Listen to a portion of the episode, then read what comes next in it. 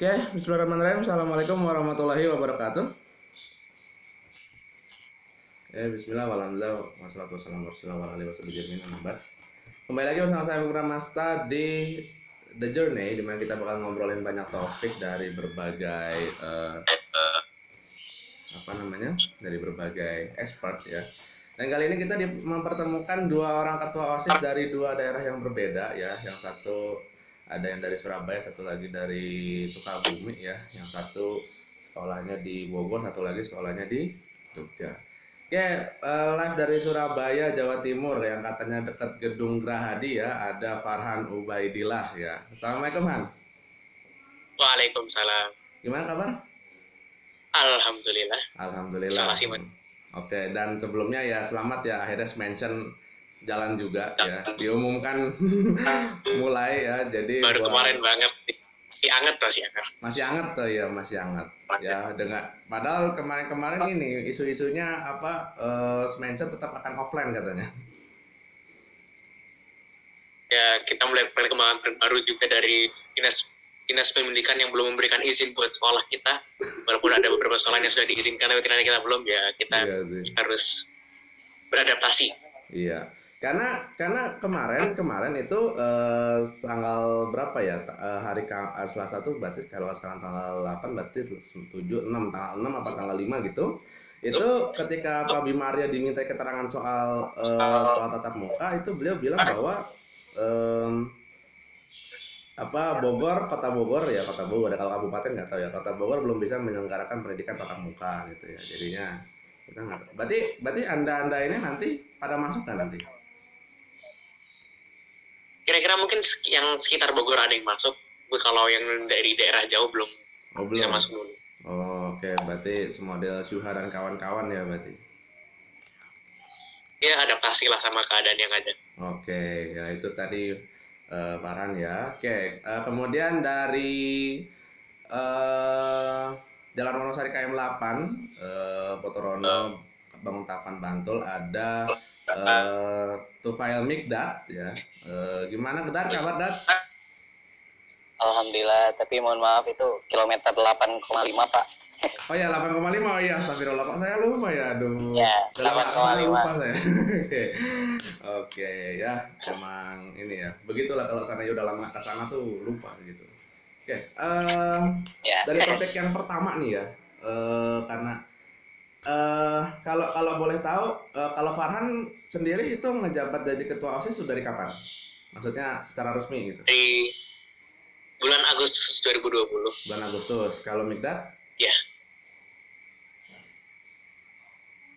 Dat, halo. Kalau Mikdad? Dari September, Pik. Dari September. Oh, berarti ya. oh berarti deketan ya. Berarti kalau berarti ntar pensiunnya sama nanti. Sama ya sekitaran situ juga gitu. Ya sekitar lah. Oke okay, ya. Nah mungkin dari topik pertama dulu adalah buat anda itu leadership itu apa? Coba dari Farhan dulu. Leadership itu apa? Jadi kita berbicara soal pemimpin itu apa ya? Ya. Oke. Okay. jadi kalau menurut saya sendiri ya namanya pemimpin pemimpin pemimpin itu bagaikan sebuah kepala buat uh, timnya jadi semuanya itu berfungsional jadi yeah. dia punya anggota yang tangan bekerja sebagai kaki bekerja sebagai mata bekerja sebagai hidung tapi pemimpin adalah bagian kepalanya pemimpin adalah hmm. yang apa memutuskan uh, ke, uh, decision makingnya gitu yeah. jadi juga bagian dari yang akhirnya brainstorming itu ada di bagian pemimpin kepala jadi dia hmm. yang menggerakkan yang menggerakkan bahwa semua anggota-anggota tubuhnya itu berjalan dengan semestinya. Jadi ketika ada benar ya dia akan uh, dikasih treatment. Tumbuh kembali bila ada yang sakit bila ada yang anggota-anggota tubuh yang berontak. Nah itu perlu namanya pemimpin. Dia bekerja sebagai kepala dia lah yang mengatur semua anggota tubuhnya okay. kira-kira kalau menurut saya kepemimpinan itu seperti Oke, itu dari uh, Farhan. Kalau dari Mikdad, kepemimpinan sendiri itu apa? Buat menurut Anda gitu.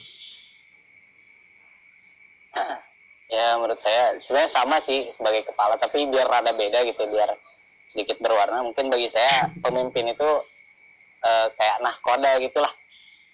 kayak nahkoda nah terus eh, warga-warganya ini ya dia ya penumpang-penumpang itu Hmm. jadi ketika nahkoda mengemudikan kapal ini dengan baik ya organisasi dan penumpang-penumpangnya bakal merasakan ini merasakan kenikmatan gitu kenikmatan perjalanan dalam sebuah kapal itu jadi saya harus menjadi nahkoda yang baik Oke. Gitu. terus juga pemimpin itu dia adalah eh, seorang pembantu juga kenapa dibilang pembantu karena tugas dia ya melayani masyarakat itu melayani yang dipimpinnya itu sih Oke, itu eh, menurut anda ya soal singkat banget ya soal ini ya soal Ya. pemimpin. Oke. Oke.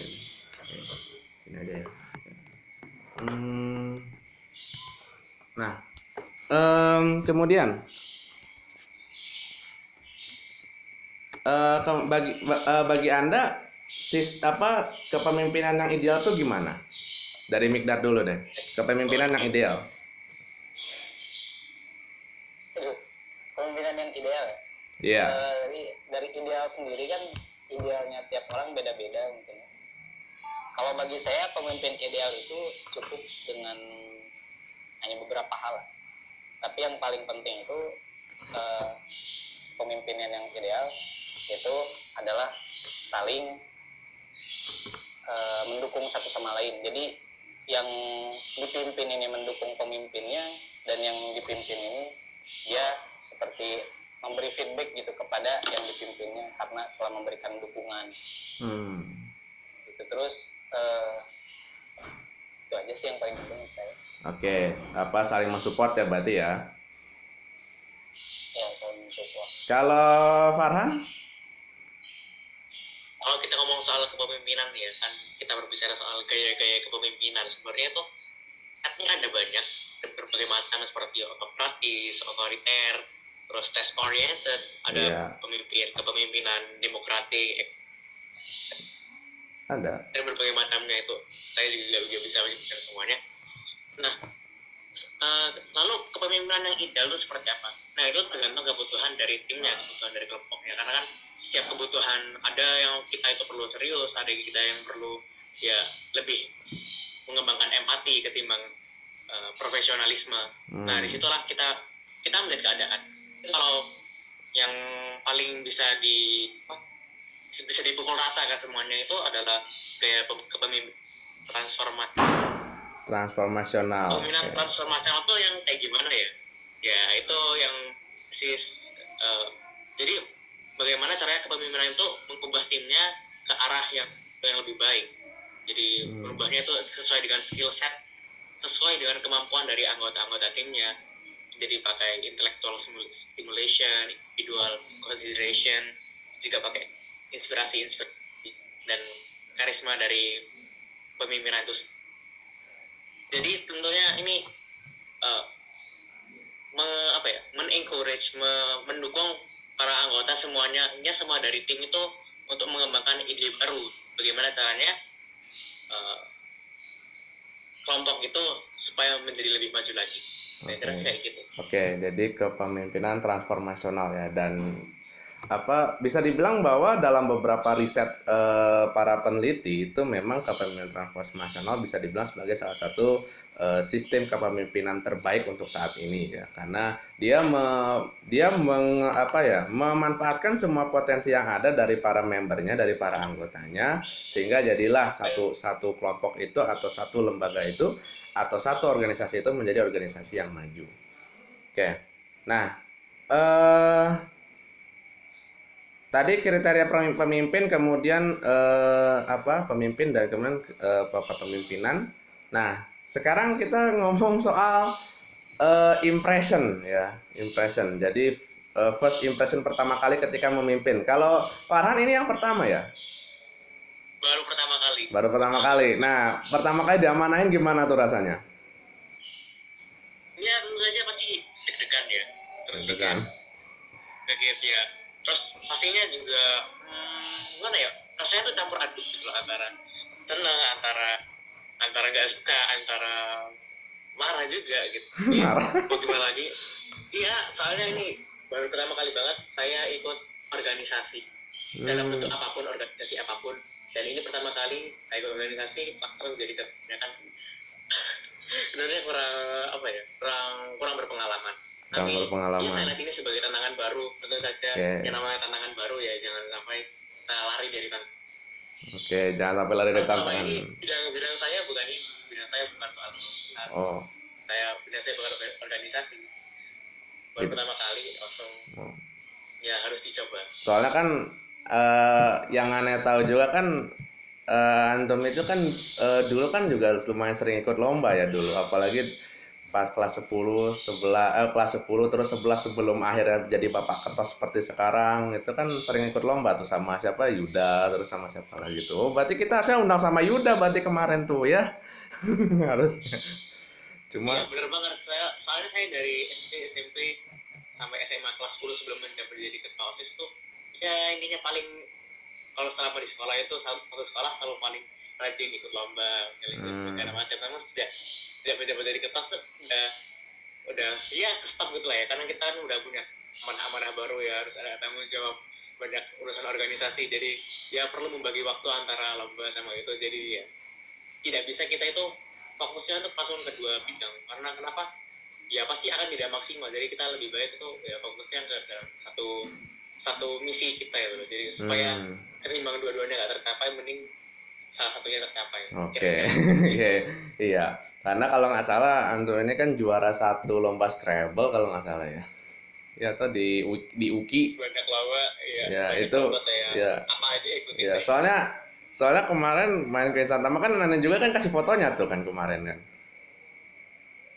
Kemarin eh, waktu waktu main ke Santama, wih ada vilanya si Farhan nih. juara satu lomba Scrabble di UKI gitu.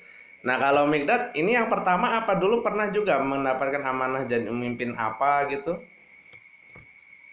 Eh, bagi pemimpin dari ini dari masuk organisasi yang kerasa benar-benar pimpinnya baru tiga kali lah kira-kira. Yang pertama remaja masjid, terus Hmm. yang kedua ketua asrama kemarin, terus habis ketua asrama kan langsung jadi ketua osis, itu kaget banget sih. Saya ya, maksudnya asis tuh masih banyak gitu kayak Adam, Aiman, Ade kan masih banyak gitu. Iya. saya gitu. Ya kalau pengalaman pertama yang paling terasa ya pas jadi ketua asrama sih.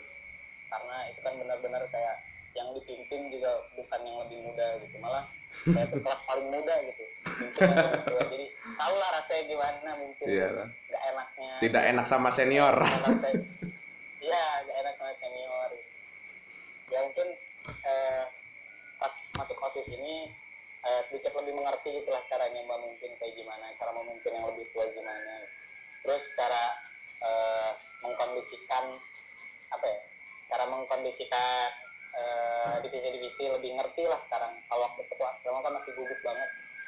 Jadi baru pertama kali mimpin orang-orang dari beda daerah gitu. Hmm, oke oke. Nah, eh, mungkin bisa di-sharing juga ya apa eh, kalau kalau Farhan mungkin pertama kali eh, kira-kira apa sih yang jadi yang jadi tantangan gitu dalam mengelola mereka-mereka gitu. Mungkin dari Farhan dulu. Mengelola mereka-mereka ini karena kan eh setahu Ana kayak misalkan Azimut aja. Azimut itu kan isinya macam-macam orang tuh. Ya, walaupun an- apa Ana kenal beberapa orang tapi ya memang ya begitulah ya karakternya gitu. Ada ada Fadim eh, ada ada Fauzan yang dia orangnya vokal ada juga Nandang yang orangnya religius gitu. Ya itulah ya, yang yang membuat kompetensi kita berwarna gitu. Salah satu tantangan terbesar itu tentu saja kita melihat hal itu nggak satu macam. Jadi kita nggak bisa menyamaratakan uh, perilaku kita ke semua orang. Hmm oke. Ya kalau kita hidup di dunia ideal pasti bisa begitu. Namun sayangnya kita tidak hidup di dunia ideal jadi ya kita harus menyesuaikan ke setiap masing-masing orang. Nah itu Ya. yang saya lihat ya, ber- berbagai kera- keragaman ini nggak selalu dalam hal positif ya. Kita lihat juga ada beberapa uh, mungkin hal-hal yang negatif yang dibawa oleh oleh anggota-anggota kita oleh tim rekan-rekan tim kita. Nah itu salah satu tangan, tantangan terbesarnya adalah bagaimana cara saya menghadapi orang-orang seperti itu. Karena selama ini sejauh sebelum saya eh, kami memegang organisasi itu saya memilih nggak berurusan sama orang-orang yang eh, punya masalah. apa ya istilahnya? Ya ada masalah ada masalah pribadi personal apa masalah pergaulan tuh saya memilih menghindar dari itu. Namun sejak kita menjadi eh, memegang amanah organisasi gitu itu mau tidak mau orang yang seperti itu justru harus harus dipegang harus di harus diatur supaya kita Hmm. karena kita kan punya uh, apa apa sih apa namanya authority atau apa sih namanya nah itu kita perlu yang namanya uh, mempengaruhi mereka kita perlu mengajak diskusi mereka dan kita juga perlu karena kita kan dalam satu organisasi kita perlu mengajak mereka bekerja gitu loh Hmm. Nah itu mengajak mereka bekerja itu itulah salah satu tantangan yang saya anggap sebagai tantangan sulit Tantangan. ketika pertama kali Oke. salah ya. satu aja ya Oke, salah satu ya. Berarti ada banyak. sebenarnya banyak ya Oke, tapi salah satunya itu ya soal merangkul mereka-mereka yang dalam tanda kutip punya masalah lah gitu. Kalau Migda? mungkin nggak jauh beda ya maksudnya kayaknya setiap pemimpin tuh tantangannya ya merangkul orang-orang itu kayak. Jadi kalau eh, aku sendiri juga dengar rasain gitu kayak waktu memimpin asrama gitu eh, ada orang-orang yang nggak terima dengan putusanku ya wajar lah maksudnya pasti ada yang pro dan kontra dalam sebuah keputusan itu. Tapi eh, lu pengen pengen eh, tantangannya tuh gimana caranya walaupun ada yang kontra tapi dia masih bisa menerima gitu menerima keputusan itu sih tantangan terberat dan alhamdulillah kemarin tantangan itu udah oh udah terlewati gitu. terlewatinya dengan cara ya aku eh, sedikit-sedikit bergaul dengan mereka gitu. tapi nggak sepenuhnya masuk ke pergaulan mereka Hmm. jadi cuman kayak eh, Merangkul tapi nggak nyemplung gitu. putus gitu ya merangkul tapi nggak nyemplung Oke. jadi eh, aku tetap komunikasi sama mereka jaga komunikasi sama mereka juga hubungan baik sama mereka Iya sih. Kan- mungkin emang tantangan terberat pemimpin itu kali ya merangkul orang-orang yang tidak selaras dengan tujuan kita. Iya, Oh iya. iya, ya Mungkin benar benar juga sih mas. Ya, Eh, ya. saya juga merasakan yang namanya kita itu kita membuat keputusan itu kan dalam manusia juga tidak sempurna. Jadi tidak mungkin kita itu membuat semua orang itu puas. Itu salah satu Ya. tantangannya kita. Iya. Sekarang kita kalau kita memilih ini ada orang yang puas, ada orang yang tidak. Kita memilih itu ada yang puas, ada juga yang tidak. Jadi kita ya bisa nggak? Nggak mungkin gitu loh namanya. Kita bisa membuat semua orang puas. Jadi bagaimana caranya kita eh, mengakomodir keputusan kita supaya bisa diterima semua. Tidak tidak. Oke ya, karena karena kembali lagi pemimpinnya manusia juga manusia ya. Jadi apa eh, tidak bisa mengakomodir semua keputusan yang ada ya, tapi setidaknya mereka berusaha untuk mengambil eh, mengambil kebaikan sebesar apa pun atau berusaha untuk menghindari kemudaratan walaupun sekecil apa pun ya. Tapi tetap yang harus kita ingat adalah bahwa pemimpinnya manusia juga manusia ya. Oke. Eh, Karena kan sebenarnya kalau gini kalau misalnya buat yang kontra sama keputusan itu itu kan hanya masalah ego doang ya Yang mereka ya kontra sama keputusan itu karena karena ego bukan karena kebijakan yang jelek. ya jadi kalau kebijakan eh, kayaknya enggak sih. Kayak kebijakan saya yang saya rasa maksudnya kebijakan kami gitu selama memimpin asrama dan osis itu insya Allah itu baik gitu. Karena kan yang keputusan itu tuh dibuat bukan dari pendapat saya doang tapi dari pendapat orang yang ada di forum tersebut gitu. jadi kan pendapat di forum itu kan banyak terus kita kumpulin jadikan satu terus nantinya diruncingkan. Nah muncullah muncullah keputusan yang insya Allah baik tapi baik kan belum tentu enak. Nah, nah itu dia, itu dia. Eh, saya sering sih sering kayak menekankan gitu ke kita semua dan ke mereka dan saya juga termasuk. Eh, jadi kita kayak harus menerima yang baik walaupun itu nggak enak. Dan kita harus meninggalkan yang enak eh, karena itu buruk. Saya Oke, sering menekan gitu sih oke, oke. karena yang nggak semua keputusan itu enak gitu. Tapi insya Allah semua keputusan itu baik.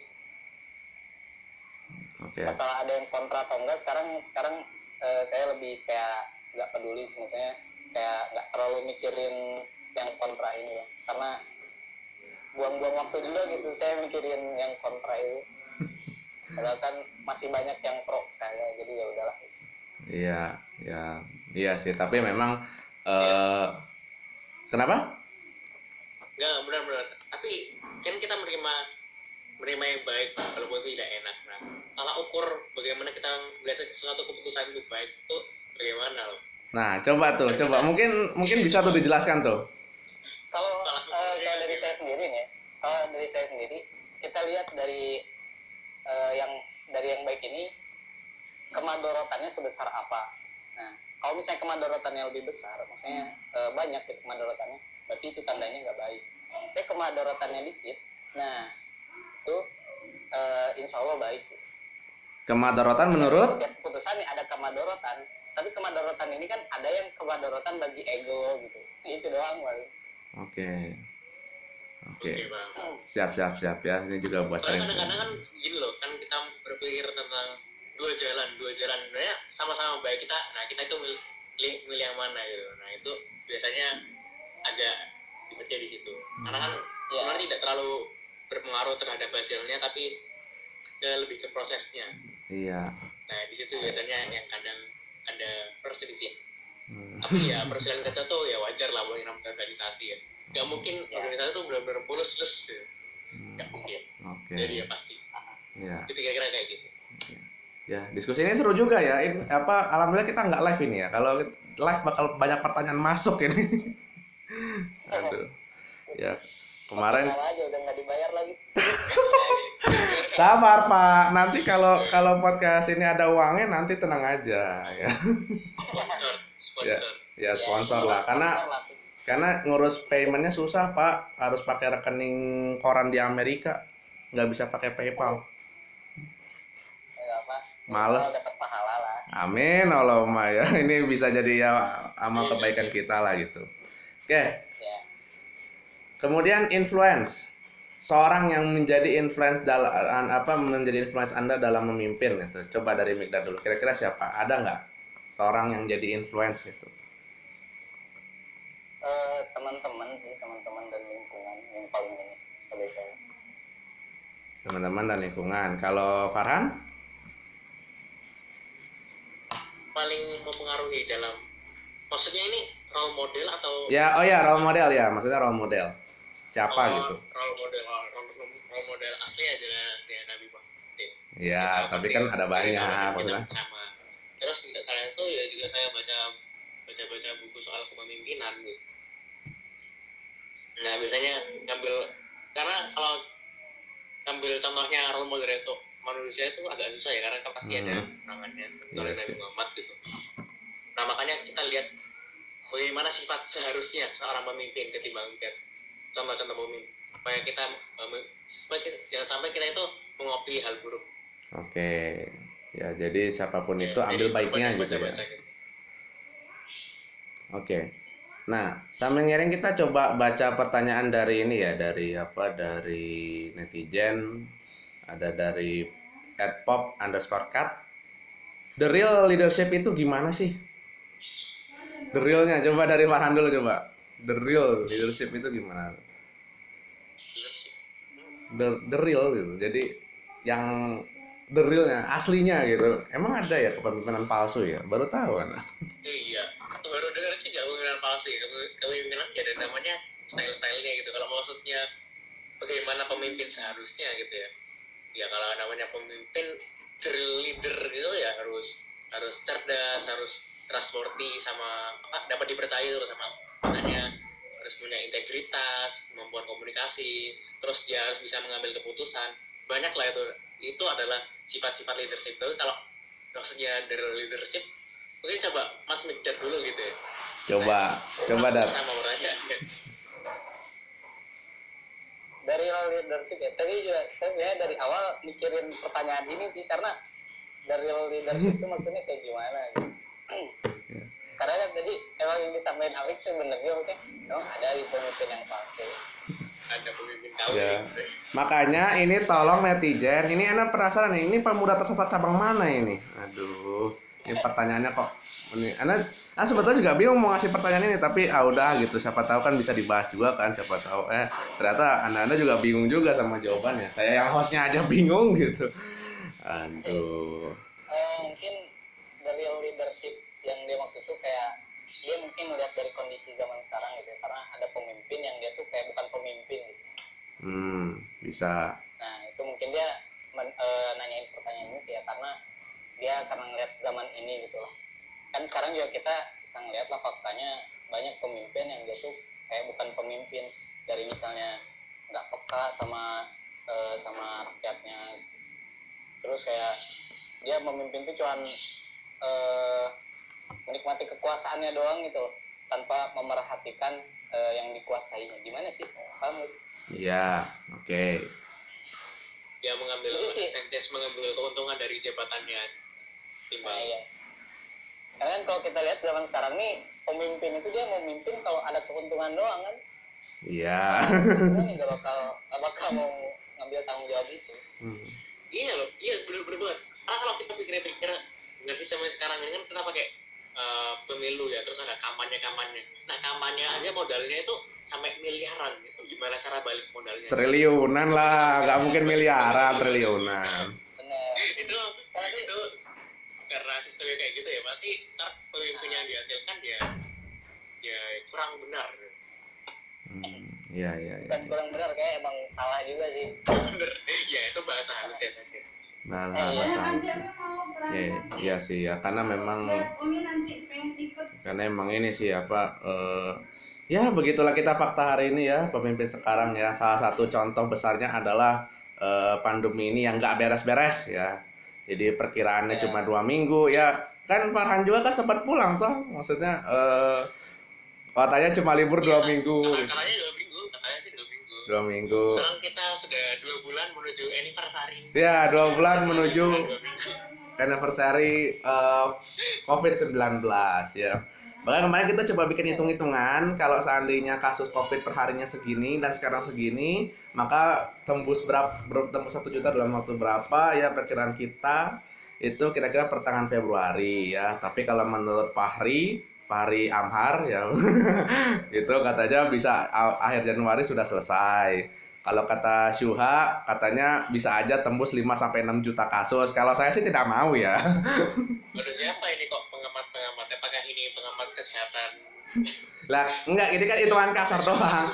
Hitungan kasar aja. Kalau kita ber kalau kita lihat perkembangannya sekarang ya dari UK aja sudah apa sudah 12,5 persen penduduknya udah divaksinasi. Nah itu Hmm, ya itu bisa segera diadaptasi oleh kita. Iya, tapi masalahnya Vaksin AstraZeneca tapi bukan Sinovac.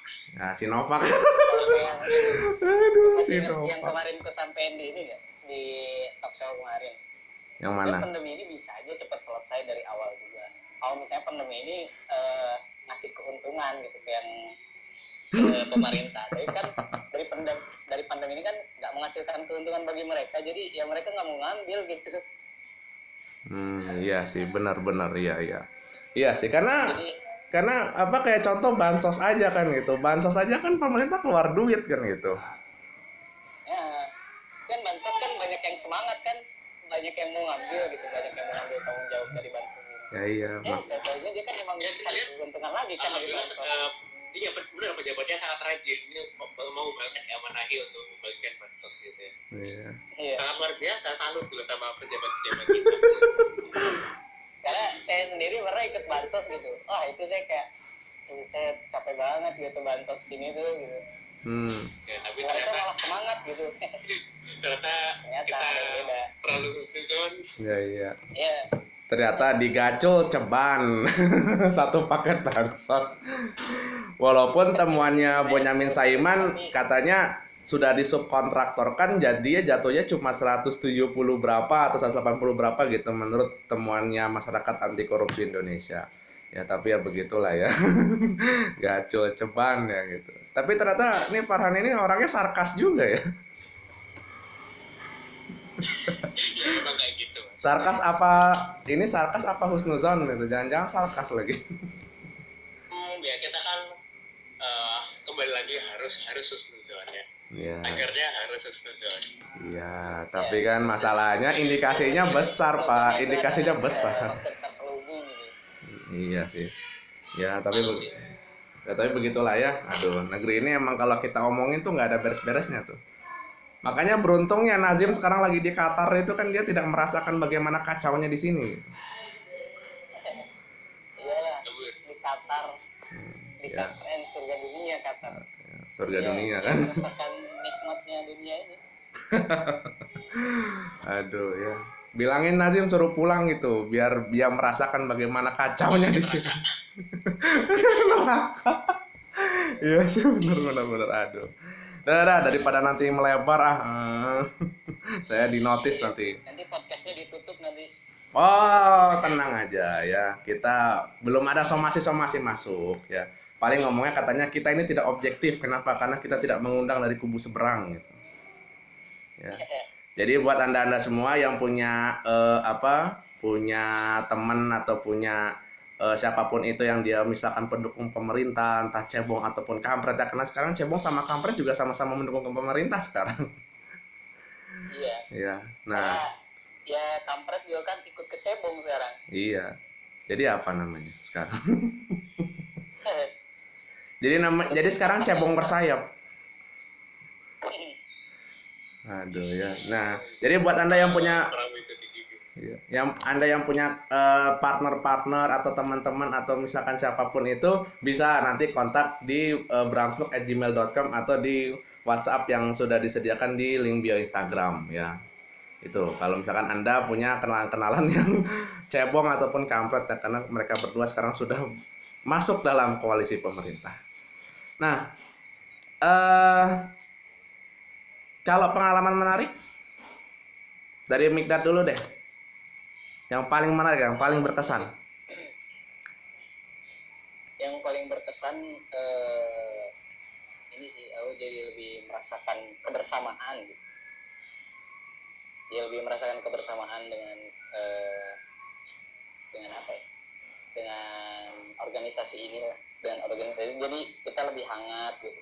Karena kan seringnya komunikasi antar kita gitu. Di organisasi ini kita kayak lebih sering berkomunikasi gitu. Eh, dari masalah yang penting sampai yang nggak penting itu kita omongin terus. Jadi sekarang lebih terbuka juga. Itu sih yang rasain sekarang. Oke, kalau Kebersamaannya lebih terasa lah. kebersamaan lebih terasa, oke. Pokoknya uh, bring together ya, pokoknya di, semua dibawa bersama-sama ya. Tapi bukan berarti kalau capaian bagus ngaku-ngaku sendiri, kalau capaian jelek malah nyalahin orang kan gitu. Nah, Ya, enggak juga. hmm, itu mah ya tipe-tipe ini tipe-tipe penghuni jahanam itu mah ya. Oke, kalau kalau Farhan coba pengalaman menarik gitu. Mungkin mungkin dalam beberapa bulan ini gitu, dalam beberapa bulan ini. Nah, kalau pengalaman menarik sebenarnya keseluruhan dari pengalaman organisasi ini semuanya menarik ya. Karena kan juga ini termasuk hal baru buat saya. Hmm. Hmm, pas pertama kali megang organisasi ini pas masih ngerancang-rancang divisi, ngerancang-rancang proker-proker itu mungkin salah satu yang paling berkesan ya bagaimana kita berhari-hari itu zoomnya sampai tengah malam sampai jam satu kita zoom kita membahas soal ini itu soal soal bagaimana proker ke depannya bagaimana mau dibawa ke mana osis ke depannya nah itu adalah sebuah gimana ya pengalaman tersendiri gitu paling berkesan juga karena ya kita juga bonding sama orang-orang lain kita bonding sama semua uh, rekan-rekan tim kita kita lebih mendalam juga jadi selain kita membahas soal organisasi kita juga jadi lebih dekat juga sama orang-orang lain Hmm. Walaupun sekarang gitu. online. ya eh, nah ini kan juga pengalaman terbaru juga walaupun ya pada faktanya kan emang idealnya yang namanya kita berorganisasi itu secara langsung ya. Tapi Iya. mau gimana? Ya walaupun eh, gimana sih? Karena eh, pengalaman untuk berorganisasi secara online menjadi ketua osis online ini tidak ada setiap tahun. Bahkan mungkin ini adalah pertama kalinya ya. Per- pertama kalinya ada ketua osis online atau apa gitu online. Nah itu sebagai pengalaman baru buat kita kita, kita juga kita Hmm. kita ambil positifnya aja jangan waduh wah gara-gara kita pandemi ini kita nggak bisa beran ngerasain berorganisasi masa berorganisasi kok lewat online doang lewat BA doang nah Hmm. kita anggap aja itu kita ambil posisinya aja nah wah ini ini adalah pengalaman yang, yang eh, bagi pendahulu-pendahulu kita bahkan penerus-penerus kita mungkin tidak akan dapatkan gitu menjadi Oke. apa ketua osis online menjadi Oke. ketua divisi online. Oke, iya sih. ya pengalaman baru buat kita semua. Menarik tuh pasti Hmm, menarik. iya. Buat- Karena rapat-rapatnya kan sampai tengah malam ya dan kalau misalkan karena anak takutnya tuh orang-orang yang beda zona waktu gitu loh. Kayak misalkan contoh Rashid gitu ya. Anak anak selalu giniin gitu. Misalkan di sini jam 6 anak sampai gini halo jam 8 pagi gitu. Kasihan dia. Justru apa? justru termasuk salah sa- salah satu yang paling aktif. Kenapa? Karena mulai sekolahnya lebih lam, lebih siang jadi bisa tidur habis subuh. Ya iyalah bisa. Balik kamar ya iya makanya makanya mungkin salah satu ini yang yang agak lucu mungkin Nazim ya karena Nazim itu dia ikut taklim pas apa ikut taklim di sana masih jam 2 atau jam 1 pagi di sana. Benar benar. Iya makanya ya makanya kita anggap aja semua ini sebagai hal positif loh semuanya Hmm. pengalaman baru buat kita semua ya. Nikmati aja kan karena yang namanya pandemi kan nggak nggak pasti ada step update kali ya. Terakhir pandemi tahun 1920 itu ada flu Spanyol. Terus terus Spanyol ya.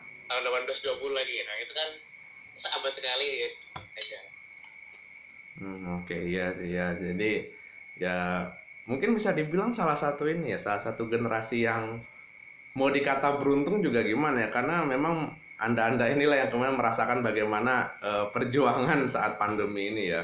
Mulai dari kegiatan semua online, makanya online ya kayak apa dan sekarang kajian-kajian jadi online-online semua kan kayak kue hijrah jadi online, teman surga jadi online, terus sahabat juga jadi online kan gitu. MG Majas Gaul juga jadi online. Terus yang di Jogja fallback dakwah itu juga jadi online. Gitu ya. Jadi ya ini waktunya ya, kita advance. intinya membuat lapangan baru buat kita berkarya Iya Menurut sih. ada begitu ya Iya benar sekali ya. Dan dengan itu pula kita nggak usah dress-dress rapi-rapi kan ini kita pakai gini aja dressnya nggak usah rapi-rapi tuh. Iya sih. nah, kalau tadi kalau kriteria kita udah ngomong nah, hal yang harus dihindari oleh seorang pemimpin itu apa? Coba dari Mikdad dulu coba.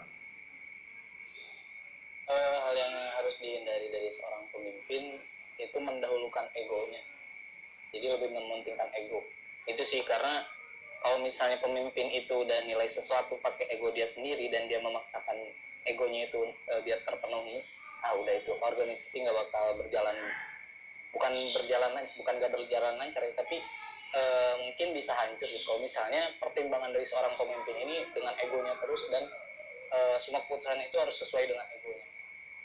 Itu eh, gimana ya kayak organisasi itu ya kayak sama aja nggak ada gitu.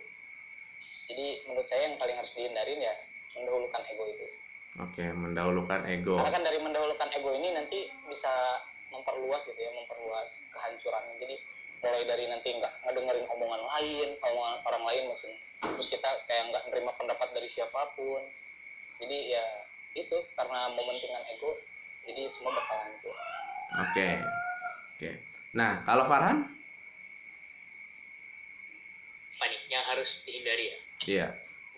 kalau sebagai pemimpin sebenarnya banyak yang harus dihindari namun salah satu yang paling harus dihindari itu kebalikan dari integritas ya hipokritas hipokris Hmm. hipokrisi kenapa karena kalau kita kalau integritas kan kita harus eh, kita mengambil sikap kita secara konsisten dari nilai-nilai yang kita anut sedangkan kalau kita hipokrit kita eh, sama nilai-nilai yang kita percaya itu kita kita udah tidak tidak apa tidak kita anut lagi gitu loh. Hmm. sikap-sikapnya tidak sesuai dengan nilai-nilai yang seharusnya. Terus karena integritas ini bercabang ke yang lain karena orang yang punya integritas pasti dia akan eh, kuat jujur dan bertanggung jawab. Sedangkan kalau hipokrit ya pasti kebalikannya ya suka berbohong dia tidak bisa bertanggung jawab terus kemudian lemah. Nah tapi yang kedua yang kedua setelah hipokrit yang mau jadi pemimpin jangan hipokrit kemudian jadi pemimpin juga jangan apa ya jangan sampai lembek tidak berkarisma. Kenapa? Karena kalau sudah tidak berkarisma terus keputusan-keputusannya tidak diangkat bagaimana dia bisa memimpin? Kan kalau iya kalau kita udah mengambil keputusan nih terus sama rekan tim kita udah nggak dianggap ya bagaimana kita mau bekerja sebagai organisasi? Ya organisasinya tidak jalan. Hmm. kira-kira kayak gitu. Oke, ya. konkret sama itu lembek Oke, berarti tadi eh, apa? Kalau dari Migda tadi ego ya, kalau dari Farhan tadi hipokrit sama sikap tidak berkarisma gitu. Nah, eh, dan kita sampai di akhir sesi kita, mungkin bisa eh, closing statement, mungkin ya harapan atau mungkin pesan-pesan eh, buat yang akan nanti meneruskan anda atau para calon-calon pemimpin gitu kan atau mungkin untuk bawa untuk bawahan-bawahan anda yang sedang mendengarkan nanti gitu. Dari Farhan dulu deh coba. Bukan bawahan ya rekan tim rekan. oh ya rekan tim. Oke wes. Ini ini jujur salut salut salut salut. Oke silakan. Siapa dulu nih? Ya Farhan dulu. ya? nih Farhan dulu. Oke pesannya mungkin pesan buat semuanya mungkin buat yang mendengarkan mungkin buat eh, teman-teman semua. Ya kita kan kita berada dalam situasi yang baru situasi yang tidak pernah kita kira-kira ya. Dan saya bilang lagi ini pandemi ini kan juga nggak mesti 100 tahun sekali. Jadi kita living in the moment. Kita eh, kita anggap yang namanya pandemi kita anggap yang namanya kita harus bekerja sebagai online ini adalah sebuah ada yang kreativitas baru. Hmm. kita buat ini sebagai ruang ruang kita untuk berkarya. Karena selama ini kita mungkin offline mungkin kita perlu tantangan tantangan baru. Nah tantangan ini eh, mungkin dalam bentuk dalam bentuk berorganisasi secara online ini adalah salah satu tantangan ki- kita yang harus kita hadapi gitu. Hmm, kira-kira kayak gitu aja dan ya kira-kira kayak gitu. Oke itu pesan dari Farhan. mau ngomong apa. kalau dari Mikdad Eh, buat yang akan meneruskan nanti ya. jadi buat dan mungkin buat yang ngedengar dikit aja sih dari saya eh, yang penting kita harus eh, cepat beradaptasi sih sebagai pemimpin itu. Karena kan ketika kita menjadi pemimpin itu eh, situasi terus lingkungan dan semuanya itu bakal berubah secara drastis gitu. Yes.